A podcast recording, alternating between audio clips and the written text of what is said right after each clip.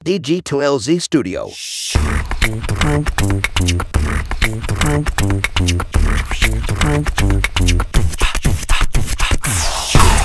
Selamat pagi, siang, sore, atau kapan pun waktu yang teman-teman pakai untuk mendengarkan podcast ini. Kembali lagi bersama saya Panji di podcast Ngobrol Bisnis, dan kali ini sudah bersama saya adalah Genesia Sinclair Chowa. Hai. dan mensayangkan masyarakat. Jadi kita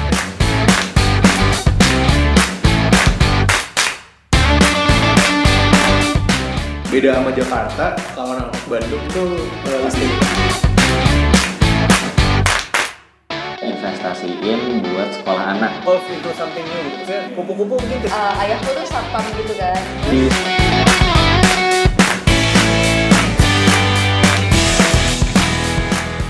Mungkin mungkin sebagai awalan boleh kenalin diri dulu, eh, Gene. Boleh, boleh. Uh, halo semuanya, uh, nama aku Genesia Sinclair, biasa ya bisa dipanggil Gene aja. Hmm. Aku sekarang ini lagi tinggal di Jerman. Aku bekerja full time sebagai automation engineer dan juga lagi ngambil S2 part time um, teknik elektro. Sambil juga bikin konten tentang budaya dan kultur Indonesia Jerman sih uh, utamanya. Sekian. Kayak perkenalan ini formal banget. Eh, eh, mungkin akan aku bahas beberapa ya terkait dengan eh, activity kamu itu, terutama mungkin yang eh, terakhir dulu ya masalah content creation ya. Aku pertama kali lihat sebenarnya gara-gara beberapa bulan yang lalu tuh aku mau ke Jerman kan. Eh, Wow. Lalu entah kenapa eh, explore Instagram merekomendasikan eh, video-videomu kayak gitu terus Masa? Oh, iya jadinya. Uh, uh, itu memang awalnya bagaimana ya kalau boleh diceritain uh, masuk ke dunia content creation ini gitu? Uh, Hmm. Em, sebenarnya aku dari tahun 2020 ya berarti udah mulai bikin YouTube kan. Video panjang, banyak kan itu 5 sampai 10 menit selama setahun, tapi hampir nggak ada audiens sih kayak setelah setahun eh, paling 500 subscriber terus nggak ada konten yang benar-benar viral atau mencuat banget. Terus waktu Oktober November 2021 tahun lalu gitu, aku eh, iseng aja bikin satu video pendek, nggak mikir mau Hmm. bikin konten pendek waktu itu. Tapi kayak itu pas awal bener-bener nggak ada traction sama sekali, kayak normal banget videonya. Setelah dua minggu, tiba-tiba blow up 70.000 views. Di mana aku dulu followers 2.000, tapi itu masih personal account aja karena aku bukan content creator segala macam. Setelah itu aku pikir, wah mungkin ini momentumnya tepat, aku mulai bikin video pendek aja, aja. YouTube di on hold dulu lah hmm, terus bikin-bikin terus ada lagi yang blow up sampai satu juta itu kayak Oh. em, dalam kayak video keempat kelima itu udah blow up lagi jadi kayak sejak itu aku kayak oke aku sekarang eh, momentumnya tepat untuk aku fokus di video pendek dulu terus aku baru mulai ke TikTok terus repost juga ke YouTube aku jadinya Oh, oke. Eh, berarti sebenarnya awalnya memang diniatkan untuk jadi content creation ya dengan pertama kali bikin di YouTube seperti itu. Hmm, iya sih dari dulu aku emang suka bikin video, suka ngedit Hmm. gitu kan. Cuman belum ketemu niche-nya aku di mana. Hmm. Jadi kayak waktu YouTube itu aku masih kayak setengah vlog, setengah um, inspirational talk, Hmm. setengah masih kayak masih nggak jelas arahnya. Kalau yang video pendek kan benar-benar jelas, oh budaya dan kultur, eh Hmm. budaya dan bahasa gitu. Hmm, hmm. Jadi Oh, lebih ngena ke audiensnya juga sih, audiens juga tahu expect apa dari konten aku. iya iya iya iya terbukti juga kayaknya algoritmanya mengarahkan seperti itu yang tadi seperti Hmm, aku bilang aku benar. nggak nggak sengaja eh, masuk ke explore ternyata ke rekomendasinya adalah video-video ya kadang-kadang kalau buka reels kan terus-terusan aja ya scroll-scroll gitu kan. Iya, bahaya itu sebenarnya. bahaya banget sih sebenarnya ya Eh, tiba-tiba rekomendasinya ke situ gitu berarti memang kenanya di situ ya Eh, kalau kalau tadi boleh diceritain kalau video-video panjangnya eh, itu ngomongin apa ya kebanyakan kalau di Um, YouTube Aku ada traveling, kayak video-video travel vlog gitu. Ada juga yang ngomongin, aku ada series namanya Live Snap, jadi dari kehidupan sehari-hari, apa yang aku pelajarin. Jadi lebih ke motivational ini Hmm. sih, talks gitu. Sama aku juga ada um, interview orang, tapi baru dikit. Jadi kayak interview Oh. orang-orang muda di Jerman, Hmm. kayak mereka nyampainya gimana, mereka pekerjaannya juga beda-beda semua itu. Sama juga eh, ada juga tentang bahasa sih. Kalau nggak kultur dan bahasa itu ada beberapa dan itu yang paling laku sebenarnya. Jadi mungkin emang ketahuan juga sebenarnya dari YouTube em, konten aku yang paling bisa orang relate itu yang tentang budaya dan bahasa. Oh, Oke oke. Iya iya iya. Aku juga dulu eh, begitu sebenarnya. Jadi eh, eh, tadi kemarin kan sempat nanya ya ini di videoin apa enggak gitu karena aku mirror juga di YouTube sebenarnya. Tapi memang kalau konten ngobrol seperti ini eh, eh, itu di YouTube jelek banget sih. Maksudnya ya karena bukan Hmm. artis gitu ya atau atau apa gitu. Itu paling cuman berapa ratus gitu, 100, 500 yang kayak gitu. Bahkan pembicara apa narasumber yang oke-oke pun yang artis paling cuman mentok di seribu atau beberapa ribu kayak gitu-gitu. Hmm. Tapi eh, kalau aku konten panjangnya karena kalau ngobrol atau interview eh, kan eh, itu justru temen yang ngasih tahu, oh lo taruh di Spotify aja kayak gitu kan. Terus Hmm, ternyata audio memang podcast soalnya betul karena orang Hmm. commute ya kebanyakan seperti itu. Jadinya aku rilis di Spotify. Ternyata waktu itu aku rilis pertama eh, se sebulan apa ya satu minggu pertama itu jauh ngelebihi selama ini di YouTube kayak gitu. Jadi Hmm. jadi kayak wah kayaknya memang eh, kalau ngobrol enakan di Spotify sih. Cuman ya kalau untuk record ya di YouTube buat dokumentasinya juga lah dan Hmm, ngobrol hmm, kan lebih enak kalau kalau pakai ini ya hmm. apalagi lihat muka gitu. lihat muka apalagi kalau Iya. kalau lagi eh, Zoom kayak gini gitu. Hmm, hmm, Iya hmm. iya. Eh, sebenarnya kita secara usia tuh agak berbeda jauh ya kalau aku cek ya. Oh, emang umur berapa? Eh, kamu kan masuk kuliah 2016 ya. Iya. Ini kalau aku cek di LinkedIn deh. Aku tuh 2006. Tapi nggak nggak ketara kok muka mu- muda banget kok nggak apa-apa. Kirain hampir-hampir seumur paling beda dikit. Eh, enggak, enggak, enggak. Jadi aku juga oh iya ya, enggak apa-apa Oh. sih sebenarnya. Dan dan maksudnya bukan bukan bukan dalam konteks eh, apa namanya ya? Bukan dalam konteks eh, kurang atau lebih dan segala macam, tapi menurutku adalah kita berada di dunia generasi yang cukup berbeda Iya. jatuhnya gitu. Beda generasi sih 10 tahun sih. 10 tahun gitu. Dan aku lagi tertarik banget ya mendalami masalah eh, mungkin aku minta pandangan juga ya dari kamu ya. Hmm. Eh, belakangan ini nih ada istilah eh, ada istilah eh, yang namanya adalah apa ya kalau American eh, orang Amerika Amerika native ya. Jadi ada istilahnya digital native sekarang. Digital native itu adalah usia-usia seperti kamu nih eh, yang kelahiran 2000-an eh, ke sini gitu. eh, yang mana secara natural itu sudah terjun ke dunia digital Eh, kayak kamu Hmm. bikin konten adalah hal yang keseharian kalau ngelihat kayak mahasiswa bikin tugas aja ngonten gitu kan. Eh, tugasnya bahkan konten gitu. Tugas ospek yang berapa tahun yang lalu la- rame kan. Itu adalah tugasnya adalah bikin bikin konten Instagram dan seterusnya dan seterusnya.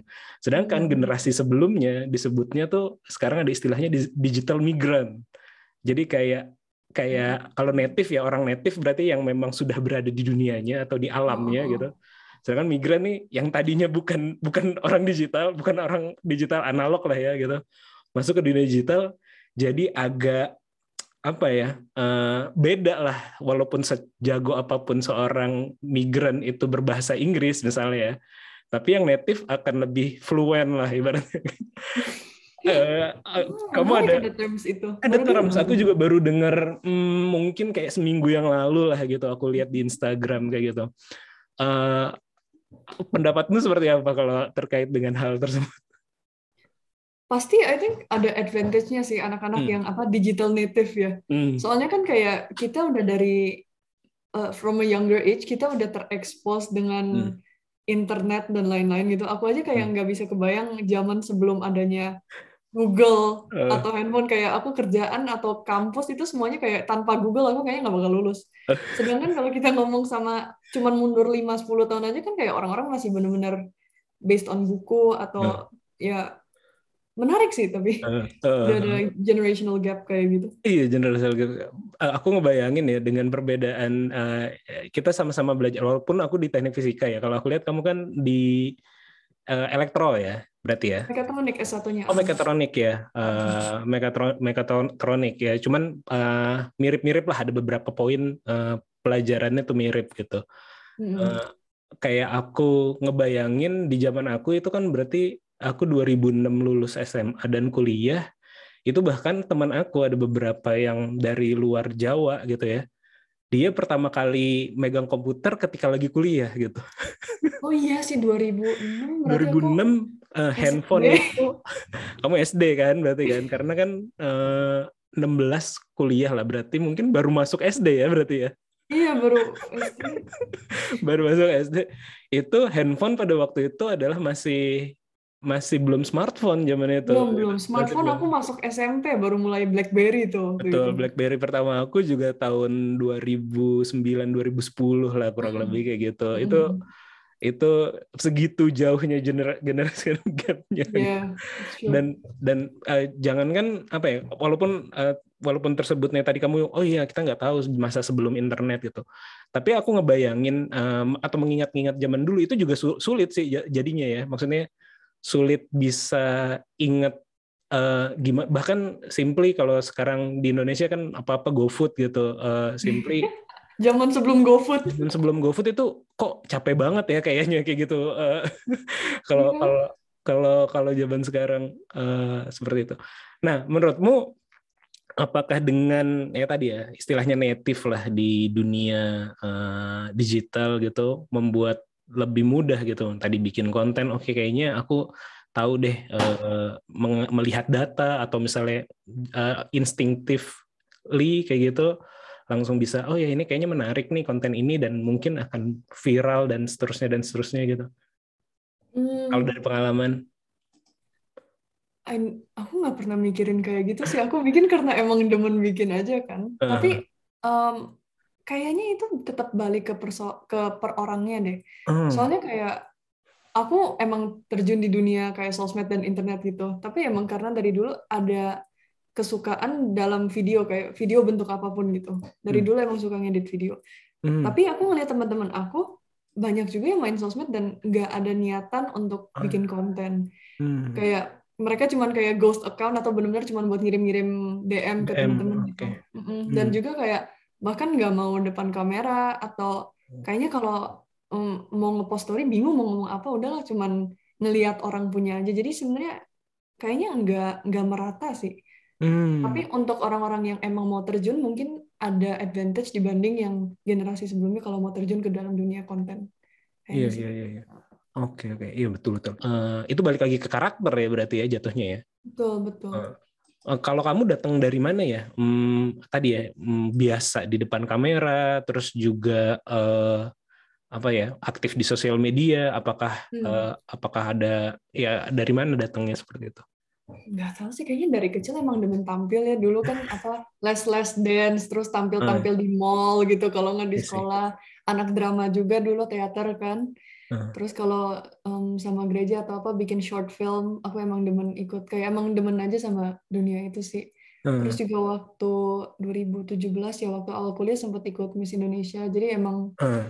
demen Tampil. tampil Nah, specifically yang Miss Indonesia, aku ngeliat storymu beberapa hari yang lalu ya, ketika kamu post, oh ini videonya lagi naik, lalu aku eh, eh, video yang kamu bilang, video kayaknya itu video lama ya, kamu post di eh, story oh iya iya. Yang video di- YouTube ya? Ah, video YouTube, eh, kamu kamu repost di story Instagram, eh, terus aku lihat itu juga eh, out of the blue banget ya, maksudnya tiba-tiba tiba-tiba eh, dan akhirnya lolos itu ya. Di akhir video kan Hmm. kamu bilang eh, diundang ke apa ya ke big auditionnya kayak gitu.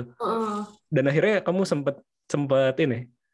Lanjut. Um, spoilernya aku sampai top 15 waktu itu. wow wow, wow. Aku juga nggak nyangka sih. I mean awalnya kan iseng-iseng nyoba Hah. audisi dengan nggak ada niatan, nggak ada background apa pun. Tapi ternyata puji Tuhan bisa lolos sampai itu. Pengalaman banget sih. Itu benar-benar seru banget sih zaman itu. iya iya iya iya sih tapi memang kayaknya sih eh, eh, kayaknya Miss Indonesia agak berbeda spesifiknya di Indonesia ya dibanding yang eh, lain-lain ya agak spesifik ke eh, eh, apa ya eh, talent-talentnya adalah talent-talent eh, educated lah ibaratnya. Karena aku juga di kampus aku ada beberapa Miss Indonesia dan Putri Indonesia bahkan kayak gitu. Jadi jadi eh, ininya gitu. Jadi representasi bahkan ada yang juara juga kalau nggak salah angkatan di bawah aku ada beberapa kayak gitu. Ada ada sempat dua kali kayak gitu. Jadi kayaknya Hmm. memang kalau yang di Indonesia eh, nggak specifically eh, apa ya mungkin bahasa yang baiknya nggak nggak terlalu eh, hanya melihat luar lah ibaratnya seperti itu, Hmm. tapi kayaknya dilihat Em, brandnya juga kayak gitu. beda pageant, beda Hmm. titik fokusnya sih. Aku bilang kayak Oh, gitu. oke. Heeh. Oh gitu. heeh. Kalau yang kamu Hmm. lihat yang di pageant yang kamu ikutin itu memang seperti itu. Em, mereka benar-benar ngelihat ini juga sih public speaking sama karakternya juga. Mhm. Tapi obviously juga dari luarnya juga harus bisa mempresentasikan diri dengan baik dong. Oh, gitu. Oke, oke, oke, oke. Soalnya kan harus ngom soalnya kan harus ngomong juga kan di depan Hmm. publik nanti kalau yang menang kan em, lanjutnya ke Miss World. Iya. Kalau Putri Indonesia kan ke Miss Universe kan. Iya. Jadi Oh. ya em, dan juga Miss Universe dan Miss World kan juga hal-hal yang dinilai juri itu kan beda-beda juga kan. Hmm. Dan kalau di Miss Indonesia itu em, mereka ada beauty with a purpose. Jadi kayak apa social work project gitu. Kalau yang pas mereka ke Miss World mereka harus bikin sebuah social social work gitu yang mereka bawa. Jadi ya juga hatinya juga dilihat sih. Kalau nggak tahu sih pengalaman aku di Miss Indonesia sih orang-orangnya oke-oke sih. Iya itu itu itu hal yang menarik juga sih dan eh, mungkin eh, sekarang kan kamu backgroundnya adalah eh, apa ya kuliahnya mekatronik gitu. Sekarang juga sambil nyambi S2 gitu. Menurut aku juga salah satu mungkin ya yang akan menarik adalah kalau dari sisi eh, yang banyak banyak dibahas orang-orang ya selain mungkin culture dan bahasa adalah masalah woman intake mungkin ya. Eh, dan Hmm. kamu kan representasi itu bahkan di negara Iya sih ya. Iya, bahkan di negara yang terkenal dengan tag-nya seperti itu kan ibaratnya. Eh, eh, eh, apakah ada arah mau ke sana juga ini sebelum kita bahas masalah pekerjaannya ya? Hmm, belum kepikiran sih, tapi kalau misalnya emang story aku bisa menginspirasi like other women untuk lebih mau berkembang di bidang teknologi sih, I would take the chance. Hmm, oh, Bisa datangnya aja oh, kalau ada kesempatannya. oh, oke oke. Nah kalau eh, yang dikerjain apa nih selama ini di eh, eh, di pekerjaannya ya maksudnya? Hmm. Uh, jadi kan aku automation engineer, Hmm. kita di bagian aku di tim development. Jadi em, gimana menjelaskannya ya? Hmm. Bahasa ini juga nggak apa-apa karena aku backgroundnya kan juga ini ya. Mm-mm. Ah. Um, jadi kalau di tim aku ada yang ngurusin PLC programming, Oke. PLC development. Uh, kalau aku lebih ke higher higher level language developmentnya. Jadi Hmm. ke arah um, industry 4.0, kayak big data, ngirim Hmm. ke cloud, um, data analytics, user interface itu yang aku bikin condition monitoring. Oh, eh, mungkin bisa di globalnya dulu di company-nya nih HF eh, Mixing Mixing Group nih eh, company apa ya sebenarnya? Ah, right. Uh, dia itu rubber mixing machinery. Hmm, Jadi dia bikin mesin untuk rubber mixing. hmm. Oke. Um, jadi customer kita itu banyak kan itu um, company ban kayak Michelin, um, Hankook, GT, gitu-gitu, Continental. Jadi mm, pasti orang-orang sering dengar customer kita, tapi nggak pernah dengar HF Mixing Group. Jadi Iya. B2B sih hitungannya kan. Kita yang bikin mesin untuk tire company. Apa spesifiknya tadi apa? Rubber mixing. Sorry. Iya. Rubber mixing machine. Jadi um, rubber itu dari Ah. dari raw materialnya kan cuma kayak slabs gitu kan. Dan untuk bikin ban itu kan butuh certain chemicals atau Ah. apa dan dari temperaturnya semua diregulasi. Kalau nggak berapa speed pemutaran ininya supaya dia jadi bahan buat dibikin ban nantinya. Hmm. Dan setiap company itu punya resep sendiri. Kita Hmm. nggak ngurusin resepnya, kita bikin Mesinnya. dan I juga see. sistemnya. Jadi aku bagian sistemnya sih Hmm. juga analisanya untuk um, mo- monitoring kayak kondisi mesinnya sekarang gimana gitu. Itu Hmm. project aku sekarang. Oh, I see. Eh, pertama kali bisa masuk di situ eh, gimana ya? Eh, Hmm. lulus kuliah langsung di hire di sana atau seperti apa? Uh, jadi aku kan waktu kuliah itu ada harus magang di Jerman kan. Kan aku dulu kuliahnya di SGU, Hmm. jadi semester 6 itu ada dual degree program, itu satu bulan kuliah di partner university, terus enam Hmm. bulan magang di semester 6. Jadi aku 2019 pertama kali ke Jerman buat magang 6 bulan, Hmm. Habis itu pulang semester 7 ke Indo lanjutin kuliah, semester 8 pas tesis, aku balik ke company lagi di Jerman. Hmm. Nah, itu 2020. Nah, saat itu kan harusnya cuma tiga bulan tesis pulang. Habis Iya. itu kan pandemi kan. Pandemi flight tutup semua, border tutup, nggak bisa pulang. Oh, oh, berarti pas keberangkatan keduanya itu eh, eh, 2020, itu 2020. sebelum just before pandemi kayak gitu. Like seminggu, like aku cuma masuk kantor dua minggu, terus home office 8 minggu. Eh, Lockdown. eh, Heeh, Oh, jadi gitu. pas-pasan banget. Waduh, itu ya, kalau boleh tahu, kamu eh, keluarga juga di sana sebenarnya. Eh, Aku keluarga di Indo semua. keluarga di Indo semua. Lalu berarti ke sana ketika oke lah eh, plan tiga bulannya aman lah, maksudnya Iya. udah dapat izin dan lain-lain oleh orang tua dan segala macam gitu. Hmm. Lalu ketika ternyata lockdown, what happened? Iya. Terus Ya secara secara orang tua khawatir nggak nih anak di sana gimana gitu. Jerman Ya beda sih. sempat sempat ini juga ya, lumayan tinggi juga ya di awal-awal ya. Oh iya. Ya, tapi sekarang jauh lebih tinggi cuman ya oke beda beda topik lah. Iya iya iya betul. Em, jadi aku eh, ya beda ya kalau emak sama bapak ya. Kalau mami pasti bilangnya ya nggak pulang. Kalau papa bilangnya ngapain kamu balik Indo di Jerman aja udah, maksudnya udah dapat kerjaan lanjutin aja gitu loh. Kayak Heeh. karirnya lebih bagus di sana. Heeh. Beda lah emak sama bapak. Heeh. Cuman eh, kalau aku personally aku pengennya pulang aja soalnya waktu itu pengen banting setir kan sebenarnya nggak mau engineering lagi. Oh, heeh. oke. Kalau Heeh. boleh tahu kenapa tuh? Apakah sudah Em, gimana ya? Aku dari masuk S1 juga sebenarnya agak-agak gak yakin dengan dunia engineer gitu. Aku Hmm. ambil karena itu em, itu path yang logis logis gitu Hmm. loh untuk diambil. Kayak aku apakah orang orang tua di background engineering juga kah atau enggak enggak oh enggak? Enggak. Tapi pilihan Tapi- kamu sendiri untuk di engineering Uh, pilihan tadi. aku sendiri, mami bilangnya matematika kamu bagus, sayang nggak dipakai. Oh, iya. standar Tapi kalau, standar. uh-uh.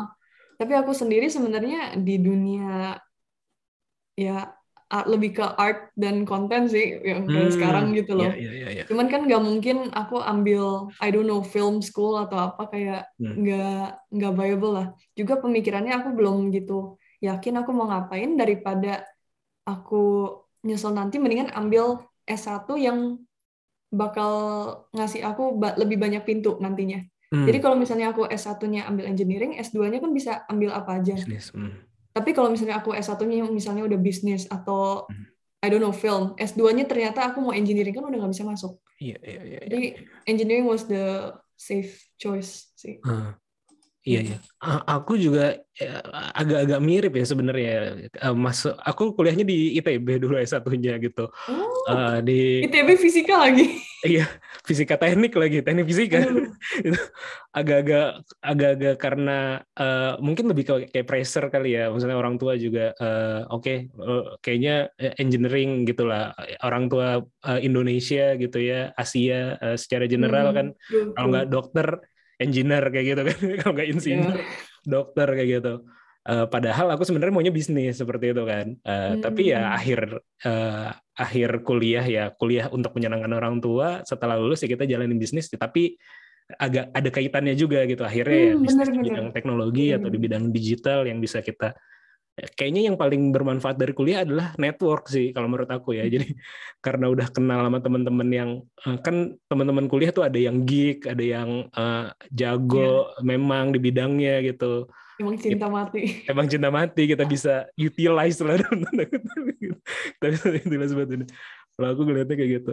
Eh, oke oke. Tadi lanjut ya. Eh, apa setelah 8 minggu itu apa yang terjadi flight ditutup semua Indonesia juga nutup diri kan Eh, Hmm. kamu nggak ada eh, berarti nggak bisa pulang gitu Mm-mm. Ya udah, Nah. baru aku mikirnya since aku bakal stuck di Jerman juga, ya Hmm. cobalah lihat S2 di sini ada apa aja Hmm. gitu. Tapi sebelumnya aku nggak ada niatan S2 soalnya lah engineering aja udah mau banting setir kan. Hmm. Kayak aku nggak ada interest di S2 bidang mana pun gitu loh. mana pun ya Mana pun kayak mau belajar apa sih kayak orang waktu itu aku pikirnya mau mm, masuk modeling lagi sama buka bisnis makanan aja di Indo. Ah, iya Oke. sih.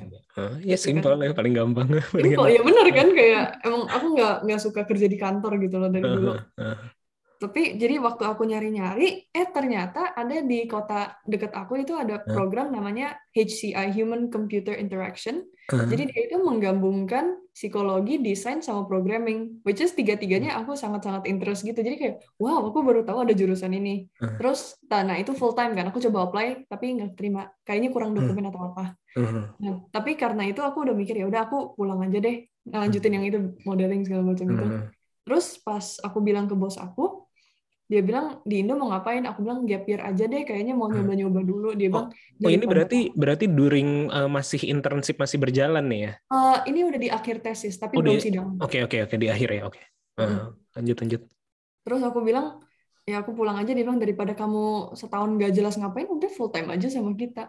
Uh, Terus kayak, what? Bukannya ini lagi pandemi, eh, kantor juga lagi nggak nerima orang baru. uh, Terus dia bilang, oh ternyata ada orang yang lagi keluar, jadi ada satu slot gitu loh. uh, Ada Oh. orang yang baru baru mengundurkan diri, jadi ada satu slot. Tapi kalau kamu interested di slot ini, cepetan, soalnya udah ada orang-orang interview nih masuk. Ya udah aku langsung saat itu langsung aku ambil ambil ambil langsung Uh. dari dari nyari student visa, jadi ganti plan pulang ke Indo, jadi ganti nyari working visa uh, gitu. Dalam itu satu dalam satu dalam kurung berapa jam itu di satu hari. uh, Gila sih langsung plan berapa tahun ke depan berubah. Terus ya udah. Jadi long story short, aku dapat blue card visa. Jadi kayak working visa tapi agak special gitu kalau di Jerman. iya, iya. Jadi blue card visa itu cuma untuk eh, bidang STEM, Hmm. terus harus punya ijazah S1 dan eh, punya kontrak kerja minimal sekian gaji setahun. Itu requirement-nya. Iya iya iya. iya. Terus aku dapetin blue card. Nah, habis itu eh, transport mulai mahal.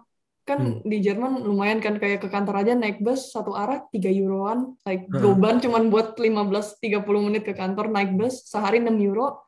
Kamu Sebulan di, berapa? di kota apa by the way? Aku di kerjanya di Freudenberg. Oke. Mm-mm, di Sekarang di NRW. sana berarti.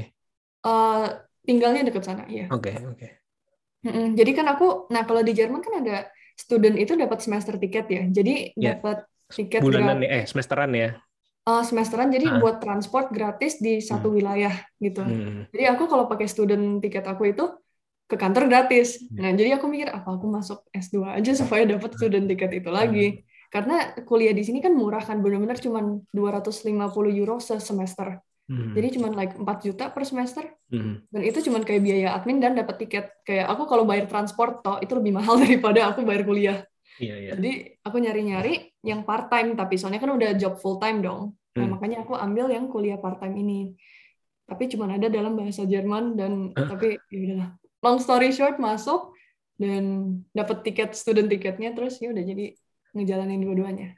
Oke. Jadi kuliahnya ini part time-nya dengan tujuan dapat tiket Ada awalnya. pada awalnya. Tapi emang dari dulu aku pengen punya gelar S2 juga, nggak tahu bidang apa, tapi Hmm. pengen pengen S2 Hmm. dan juga aku dari dulu pengen belajar di luar negeri, pengen tahu rasanya. Soalnya S1 aku oke ada magang di luar negeri, tapi kan base-nya di Indo kan.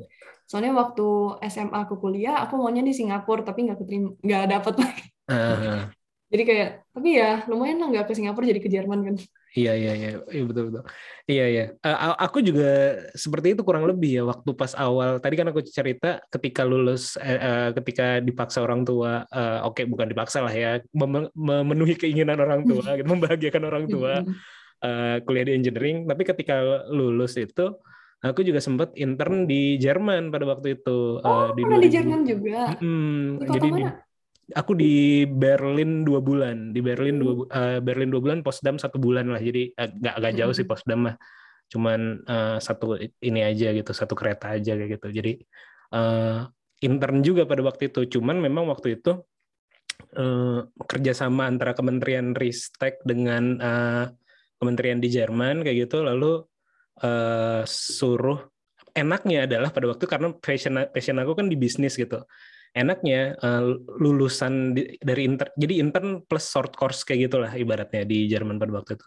Ketika eh, lulusannya lulusan program tersebut diharapkan bikin startup kayak gitu. Jadi jadi ya ini kayak eh, oke di satu sisi eh, bikin happy orang tua seolah-olah tetap di di bidang engineering tapi sebenarnya memuaskan hasrat oh gue mau bikin bisnis sebenarnya ya jadi jadi Hmm. cukup jadi jalan yang eh, jalan yang cukup mengenakan gitu mungkin ya eh, eh, mungkin eh, ini kan eh, case di aku atau case di kamu ini adalah lucky coincidence ya. Maksudnya kita Hmm. nih diberkahi keberuntungan-keberuntungan yang kayak gitu-gitu gitu. Mungkin karena tujuannya mau membahagiakan orang tua kayaknya. Mungkin, mungkin. Tapi aku percaya sih kayak jalan hidup kita itu kayak nggak ada yang kebetulan. Kayak mungkin aja kalau aku dulu langsung lulus Ngatur. S1 misalnya langsung nggak kerja dan nggak kuliah S2 gitu. Huh. Mungkin aja konten aku nggak mungkin berpusat dengan budaya kultur Jerman. Aku nggak bakal bisa apa collab dengan institusi-institusi atau company yang aku collab dengan sekarang gitu. Jadi em, sebenarnya kerja dan kuliah aku itu juga membantu konten aku in a way. Iya, betul betul. Dan sebagai profile tadi seperti aku bilang ya, eh, mungkin akan menarik banget sih kalau diulik. Kan aku lihat yang konten yang terakhir yang tadi aku aku bilang itu, itu kan dengan kedutaan eh, besar Jerman yang ada di Indonesia kan. Hmm. Aku sekarang eh, banyak partneran, maksudnya kalau secara bisnis ya, secara bisnis kita supply banyak eh, apa namanya mesin gitu atau sistem yang kita supply itu ke KBRI kan. Jadi aku cukup dekat dengan KBRI. Oh. Indonesia in Berlin kayak gitu, terus juga KJRI di Hamburg kalau kalau spesifik di Jerman kayak gitu. Jadinya dan mereka juga sangat kayaknya sangat-sangat welcome ya, apalagi eh, eh, sangat welcome dengan orang-orang Indonesia yang yang eh, ya ter- terutama kalau bagi mereka mungkin akan mendatangkan apa ya image lah ibaratnya seperti itu. Hmm. Eh, itu itu Hmm. itu itu mungkin nanti bisa bisa banyak sana gitu. Dan dan tadi ya sebagai background eh eh, woman in tech atau woman in STEM in general kayak gitu itu jadi kayak nilai jual yang menarik sih menurut aku kalau kontennya nanti akan ya eh, ya tentu saja jika kamu ini ya apa namanya ngelihat memang akan menarik atau ya dari sisi sendiri juga seneng gitu ya Hmm. Eh, kayaknya akan akan ke arah sana menarik banget sih woman in tech eh, konten-konten yang ngebahas terkait dengan itu apalah segala macam aku juga nggak tahu ya kayak gimana Hmm. kayak akan menarik dan dan secara profil lebih lebih apa ya nggak nggak nggak nggak kayak apa ya nggak kayak konten creator aja kayak gitu kan jat- jatuhnya ya Hmm. Ngerti ya maksudnya mungkin mungkin agak-agak ini ya abstrak kayak gitu Eh, eh, lanjut lagi tadi sedikit ya masalah eh, ketika sudah eh, dapat eh, kerja oke dan berarti udah dapat blue card juga gitu yang mana matters banget dan sangat jarang ya orang baru lulus S1 dapat blue card. Aku punya temen di Bremen, profesor gitu, orang Indonesia di sana, dia juga dapat blue card, tapi ya setelah dia sudah profesor kayak gitu loh.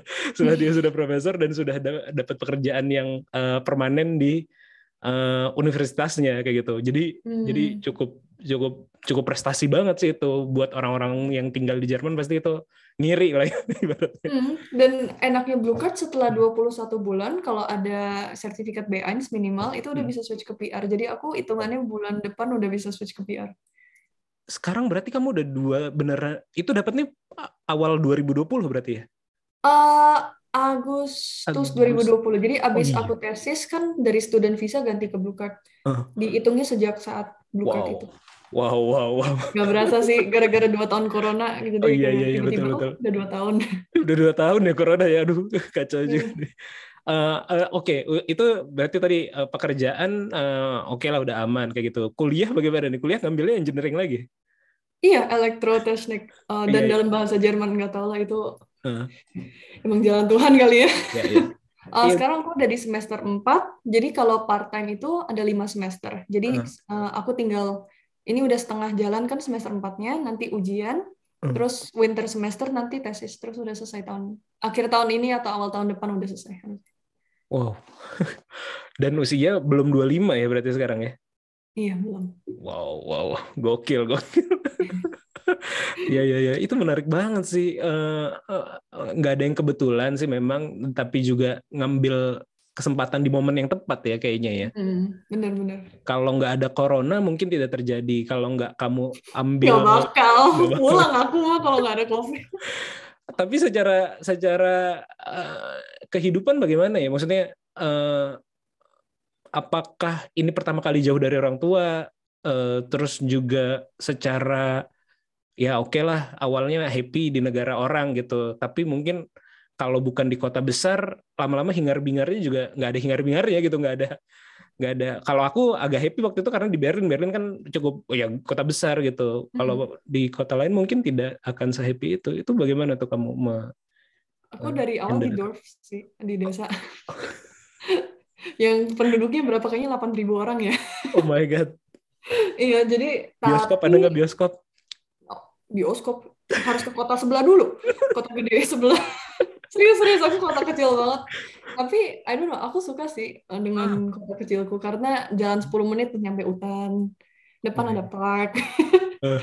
Dan enaknya juga kota aku kebetulan mm, koneksi keretanya ke kota gede gampang. Hmm. Jadi kayak aku di kota kecil, tapi kalau mau ke kota gedenya paling berapa stop atau ko- koneksinya bagus lah gitu loh keretanya. Hmm. Dan juga kedua yang mm, sangat membantu eh, waktu aku praktikum eh, apa magang pertama sama tesis, Hmm. Itu aku tinggal sama eh, keluarga Jerman. Jadi sebenarnya bos aku itu waktu itu kan aku nanya kan eh, bisa nyari Wohnung di mana apa nyari tempat tinggal. Terus dia bilang oh dia sama istrinya punya spare bedroom satu di rumah mereka. Hmm. Aku boleh pakai aja katanya. Oh ya udah dong maksudnya kan hemat uang rent dan aku nggak bayar. Jadi benar-benar kayak mereka nganggap keluarga karena menariknya mereka habis liburan dari Jogja kayak tahun itu atau tahun sebelumnya. Nah. Terus mereka katanya impressed dengan kayak hospitality-nya orang Indonesia. Jadi kayak, oh ini ada anak Indo. Soalnya aku juga di kantor aku satu-satunya orang internasional sebenarnya dan anak magang. Jadi Hmm. mereka juga baru gitu kan. Terus mereka, hmm, aku tinggal sama mereka selama uh, magang. Terus kayak benar-benar dianggap kayak keluarga atau temen gitu loh. Kayak Hmm. diajak aja kalau ada birthday party atau ada Hmm. traveling mereka ajak-ajak aku juga road trip gitu ke Bayern. Dan dari situ juga aku dikenalin sama eh, temen yang seumur aku cewek juga yang hobinya sama suka dance suka apa dan sampai sekarang dia best friend aku di sini. Jadi menurut aku nggak ada masalahnya sih tinggal di kota kecil kayak teman-temannya ada terus kayak mulai tahun lalu aku mulai ikut eh, apa gereja lokal di sini. Jadi kan nambah lagi komunitasnya. Terus aku juga ikut kayak dance grupnya karnavalnya si teman aku yang Jerman itu. Jadi minggu depan bakal ada tampil di panggung Jerman bersama orang-orang Jerman lainnya. Jadi benar-benar kayak integrated banget sih. Kayak Hmm. I don't think um, nggak tinggal di kota gede itu masalah. Oh, iya iya menarik menarik. Eh, itu berarti tadi yang eh, keluarga tempat kamu tinggal ini adalah bos kamu yang sama yang Hmm. ngajak kamu kerja full Mm-mm. time. Yes. Ah. Itu makanya juga mungkin karena uh, hubungannya udah deket, tapi bukan cuman karena hubungan deket aja. Maksudnya di Hmm. kantor juga performance juga penting lah. Kalau misalnya Betul, aku nggak ini juga uff, pasti dikeluarin. Heeh. Cuman, uh-uh. tapi setelah aku selesai tesis, aku keluar lah dari rumah mereka. Aku cari Oh, gunung sendiri. Soalnya kan udah permanen di kerja sini. lah. Mm, mm, mm. Iya iya iya. iya. Iya Waktu iya itu iya. kan cuma enam bulan gitu. Oh iya tapi dari situ udah dapat hmm, apa ya ibaratnya ya? mungkin dari sisi eh, yang yang aku bayangin ya kalau aku di usia kamu eh, ya pada waktu itu kan aku juga sempat tapi itu kita pun orang Indonesia yang ikut program yang aku ikut itu itu ada 25 jadi ya happy happy Hmm. aja karena rame gitu. Mm, mm, rame mm. orang Indonesianya juga gitu. Dan juga Berlin kota besar kayak gitu. Mungkin mungkin eh, kita berbeda di situ ya. Kalau aku aku mungkin akan stres sih kalau kalau nggak ada bioskop gitu ya. juga Waktu eh, pertama kali praktikum kan aku juga sama teman-teman aku seangkatan. Uh-huh. Tapi kita cuma sebulan pertama bareng, terus enam bulannya kan magang kotanya beda semua. Tapi ya Ah, kalau weekend atau apa kadang sebulan sekali Nggak dua kali ketemu. bisa ketemu. Iya iya iya oh iya Eh, itu berarti eh, ah, ah, menurut kamu ya oke lah masalah performa di kantor oke kayak gitu terus tentu saja yang lebih utama adalah masalah attitude juga dan dan eh, ketika kamu ngebawa diri di depan eh, teman-teman kantor atau apalagi di bos Mm-mm. berarti kan jauh lebih eh, gimana tuh eh, awal awal, masal eh, sampai ditawarin di rumah itu ada obrolan apa sebelumnya? Oh, kalau ditawarin di rumah aku cuma nanya Bandung aja sih sebenarnya. Heeh, Terus dia bilang, "Wah, dari kantor di sini kota kecil agak susah nyari Vonung gitu loh."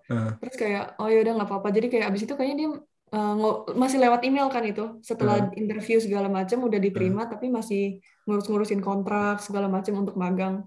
Jadi kayak itu mungkin satu dua minggu untuk dia juga berunding sama istrinya kan.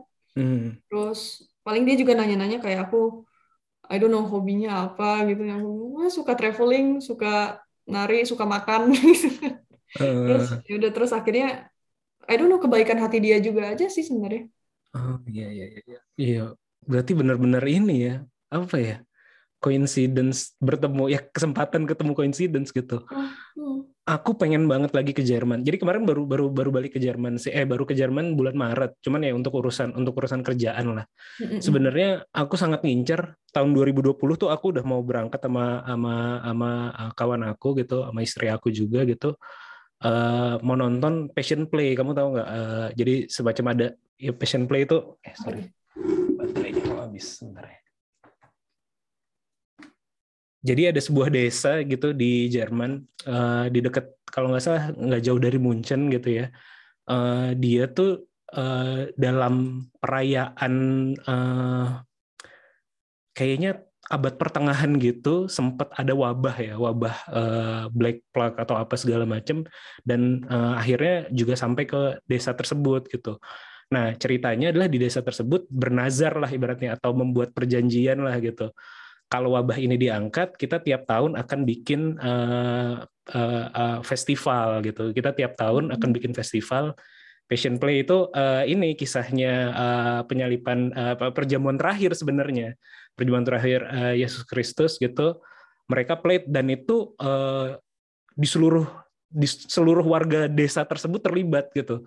Seluruh warga desa jadi kayak kayak apa ya festival besar gitu. Jadi desa kecil festival besar dan udah mendunia cerita ini gitu loh jadi jadi sangat sangat menarik banget Eh, aku lupa nama desanya apa ya nanti mungkin aku ini Eh, jadi ada ada ada ada, ada- aku pengen banget balik itu itu biasanya tuh bulan-bulan September gitu bulan Hmm. Oktober atau September gitu jadi memang aku ngincar juga sih kalaupun mau ke sana lagi dan kunjungannya ke desa gitu ya aku spesifik mau ke desa tersebut gitu sambil nonton Hmm. jadi itu kayak disiapin satu tahun oleh seluruh warga desa gitu. Eh, mereka latihan, play, teater dan segala macam. Itu itu itu menarik sih.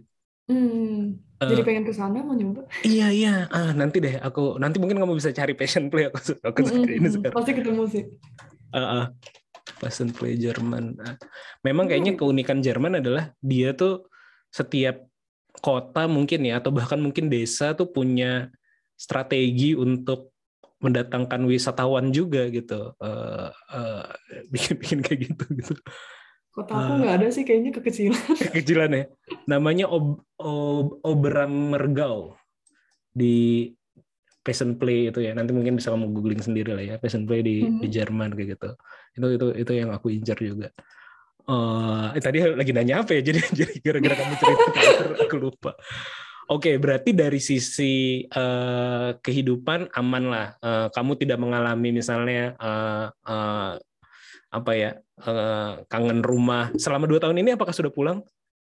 Udah tiga kali. Oh, udah tiga kali ya aman lah kalau gitu.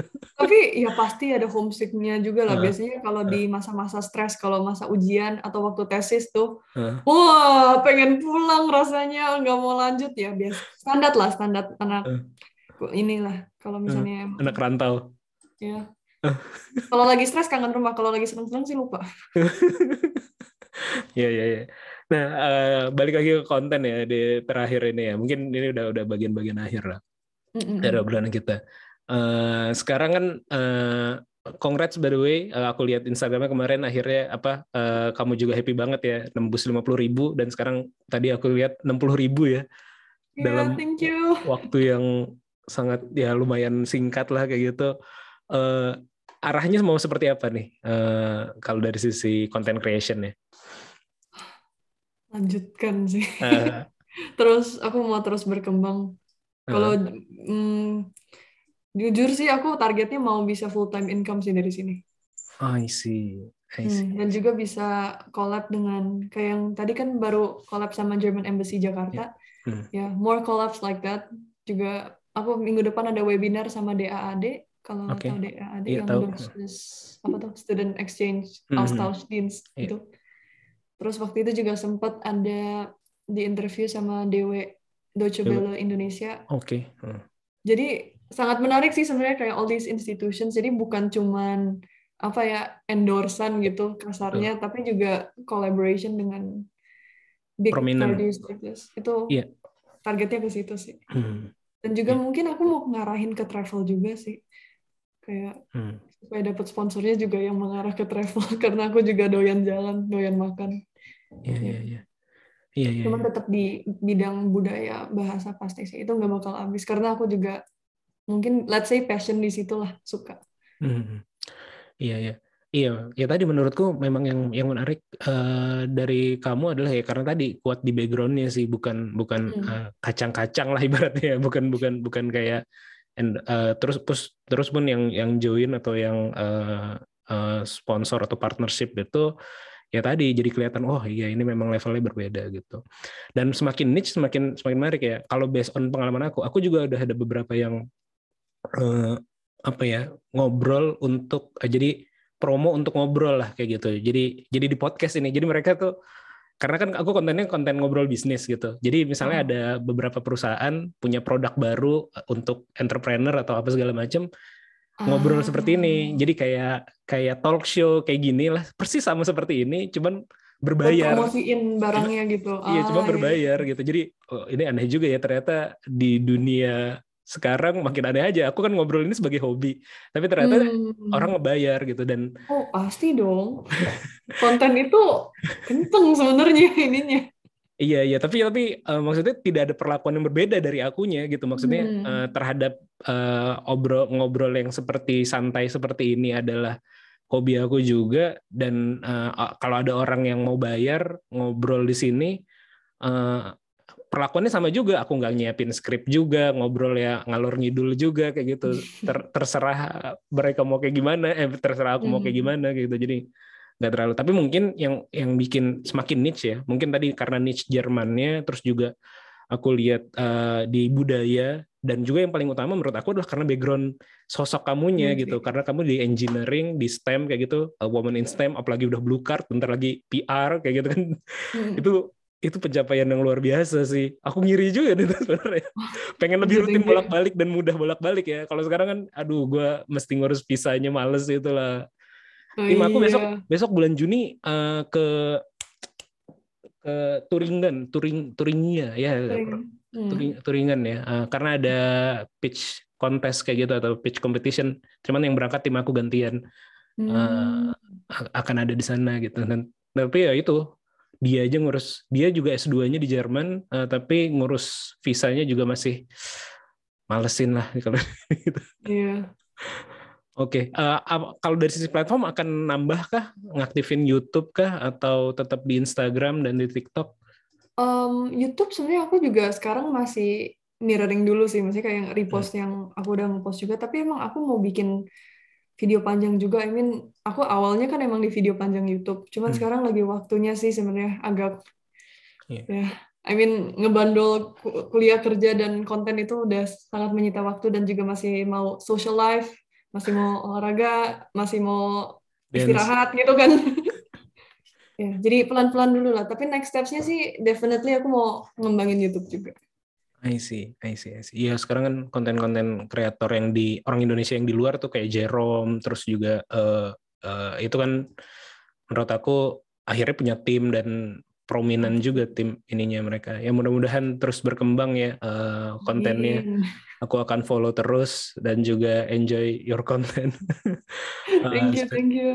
se- eh, eh, eh, tapi lebih gede di eh, Instagram di TikTok sekarang? Kejar-kejaran. Ah, Menarik kebetulan. Ah, Heeh.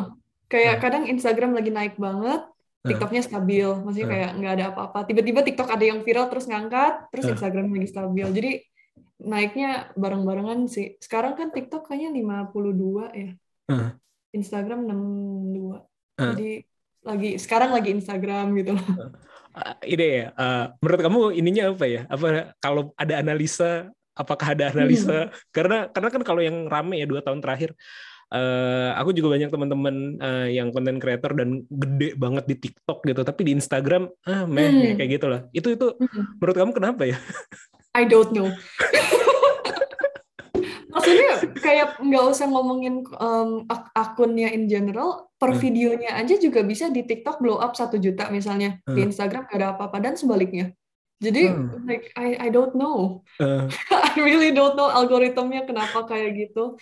Cuman uh, I would say TikTok itu follow um, followers Instagram lebih loyal dibanding followers TikTok oh, secara karena emang how the home is structured juga Hmm. kayak kalau Instagram orang beneran follow itu ya mereka terus nonton konten. Tapi kalau TikTok itu kayak bisa menghilang kayak aku bandinginnya kayak TikTok itu kayak saham gorengan. kalau misalnya Instagram itu kayak saham yang long term, Eh, kayak stabil tapi um, proporsional. Tapi kalau TikTok itu benar-benar bisa whoop, terus kayak whoop, Eh. next videonya hilang, hilang, hilang, terus whoop, eh. viral lagi, terus hilang lagi. Jadi ya beda platform, beda algoritmnya lah, nggak bisa ditebak. Bikin Apakah video- bagus aja udah. apakah video yang sama sama-sama gede gitu? Ada nggak yang kayak g- ini gede, kok yang ini gedenya di TikTok doang ya, yang ini di Instagram? Oh iya kayak gitu. Iya, iya, kayak gitu. Aneh Aku ya. juga nggak tahu kenapa kayak ada yang di YouTube. YouTube aku kan em, 2000 sekarang kan 2000-an subscriber. Jadi masih emang jauh di belakang ini. Hmm. Ada yang video aku motong roti Brötchen Jerman. Hmm. Di TikTok nyampe satu juta lebih. Hmm. Di YouTube nyampe 200 ribu. Dibanding video aku yang lain cuman kayak seribu gitu loh. Hmm. Kayak bener-bener mencuat banget. Instagram nggak naik sama sekali. Jadi kayak I I don't know. I I can't tell you. Iya iya iya iya. Iya iya. Aku aku nggak sama sekali sih. Jadi kalau di YouTube tuh jelek banget ya. Tadi aku bilang cuman cuman ya karena videoku kan bukan video yang consumable in Hmm. general ya. Maksudnya siapa yang mau dengerin kalau bukan artis ngomong 40 menit, 50 menit kayak gitu kan. Mm, mm, mm. Eh, dan ngomongnya juga nggak spesifik eh, apa ya nggak nggak nggak menarik gitu bukan bukan kayak ya ngomongin bisnis ngomongin profesi mana mana yang menarik gitu Hmm. jadi video cuman segituan follower apa namanya subscriber juga cuman seribuan tapi di Spotify itu memang aku juga ngerti ya eh, karena kekurangannya Spotify adalah nggak ada komen dan ya paling aku arahin Hmm, ke ada anchor ya feedbacknya jadinya. ya nggak ada feedback tapi itu pendengarnya itu eh, sekarang aku lupa sih pokoknya terakhir tuh eh 150 ribuan lah kayak gitu jadi jadi cukup wow, cukup gede gitu congrats. Terutama kemarin naik banget ya di eh, naik 20 ribuan sendiri. Konten terakhir aku tuh bulan bulan apa ya? Nah aku juga nggak rutin ya masalahnya ya. Jadi ini terakhir aku ngonten tuh sebelum eh, bulan April apa itu dengan artis kebetulan dengan eh, apa namanya komedian lah kayak gitu jadi itu cukup cukup naikin sampai 20 ribu di Spotify tapi tapi kalau di YouTube kok nggak nggak nggak ngerti juga ya Hmm, audiensnya beda sih Audiensnya beda untuk ya. setiap platform. Bahkan kayak Instagram, TikTok aja yang mirip, Mirip, platformnya ya. kan iya iya audiensnya beda banget. iya iya Kelihatan sih dari komen-komennya juga beda, dari Iya. Cara interaksinya juga beda gitu. Aku ngelihat spo- eh, kalau aku ngelihat TikTok hanya untuk apa kalau ada online shop aja saya ada ada ada jualan atau apa oh ini Oh menarik iya, aku nggak pernah ngikut malahan. Aku nggak tahu itu kayak gimana Oh, jalannya. iya. itu lagi rame juga sih Live kayaknya shopping kan. live shopping ya lagi lagi rame Hmm. banget ya maksudnya Iya. eh, ya menarik aja sih kayaknya sebenarnya kalau di zaman dulu padanannya ini karena aku orang analog ya zaman dulu tuh di TV ada namanya home shopping kamu kamu Oh, yang telepon ya kalau misalnya. betul betul zaman dulu tuh kayak gitu sebenarnya kan orang Oh, acting masak di TV gitu-gitu iya. ayo kalau kalian mau panci ini kayak gitu kan Iya. telepon sekarang kayak gitulah sebenarnya bayangan bayangannya Hmm. ya ini dari sisi orang yang eh, apa namanya digital migran kepada orang yang Hmm. ini apa eh, digital migran ya digital migran ke digital native lagi gitu Hmm. Oke thank you Jene ya atas eh, waktunya ngobrol ngalor ngidul aja kita nih Iya, thank you udah undang juga. Iya, eh, mudah-mudahan eh, maju terus eh, perkontenannya, Instagramnya atau TikToknya juga. Tapi kalau saran aku jangan dilepas lah eh, eh, title eh, engineer-nya lah, biar menurut aku itu jadi nilai jual tersendiri sih eh, kalau boleh di ini kan ya, We'll karena, see, karena we'll jadi see. jadi hal yang eh, berbeda dibanding yang lainnya gitu. Kayak Jerome, Jerome kan juga kalau nggak salah eh, dia di Matematika terapan ya. Iya di matematika kan jadinya sangat sangat eh, prominent lah orang ngelihat profilnya jadi menarik gitu. Ya kalau boleh ngasih saran. Oke, thank you ya sekali lagi. Eh, Thank you. Terima kasih juga yang udah eh, mendengarkan sampai akhir. Semoga obrolan kami ada manfaatnya dan nilai yang bisa diambil. Sampai ketemu di podcast ngobrol bisnis episode selanjutnya. Bye.